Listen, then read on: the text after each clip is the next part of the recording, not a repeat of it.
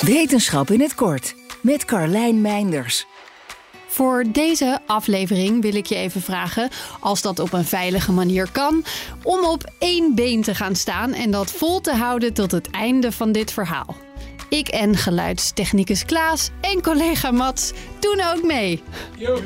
Je hebt misschien wel eens vaker gehoord: de balans is van belang. Gaat je evenwichtsgevoel achteruit, zo suggereren onderzoeken, dan kun je banger worden om te vallen, beweeg je minder, blijf je vaker binnen en versterk je zo het verouderingsproces. Nou is vorig jaar, het is een oudje, maar te leuk om niet een keer te bespreken, een onderzoek gedaan om dit mechanisme beter te bestuderen. Het was een studie van 12 jaar waarin 1700 mensen tussen de 51 en 75 die goed ter been waren, 10 seconden op één been moesten staan. Daarna werden deze mensen gevolgd en werd gekeken of en wanneer ze overleden. Volgens de onderzoekers konden ze zo zien dat mensen die de 10 seconden test niet goed volhielden, een 84% grotere kans hadden om te overlijden tijdens de onderzoeksperiode. En er was gecorrigeerd voor dingen als leeftijd, geslacht en onderliggende ziektes. In New Scientist reageerden onderzoekers toch enigszins sceptisch op dit resultaat.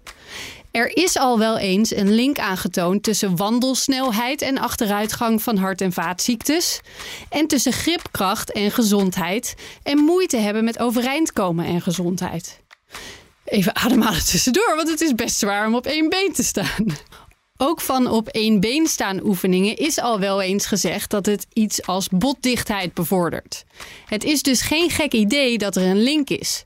Maar in dit onderzoek gingen ook veel mensen dood aan oorzaken waarop balans waarschijnlijk weinig invloed heeft, waaronder COVID bijvoorbeeld.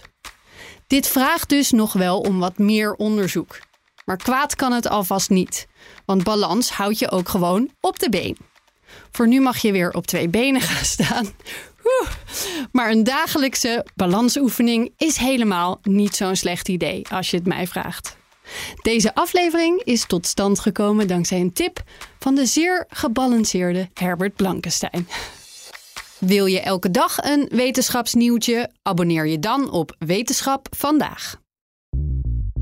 Bij BNR ben je altijd als eerste op de hoogte van het laatste nieuws. Luister dagelijks live via internet. Bas van Werven. En heel langzaam komt de zon op rond dit tijdstip. Je krijgt inzicht in de dag die komt op BNR, het Binnenhof in Nederland en de rest van de wereld. De Ochtendspits. Voor de beste start van je werkdag. Blijf scherp en mis niets.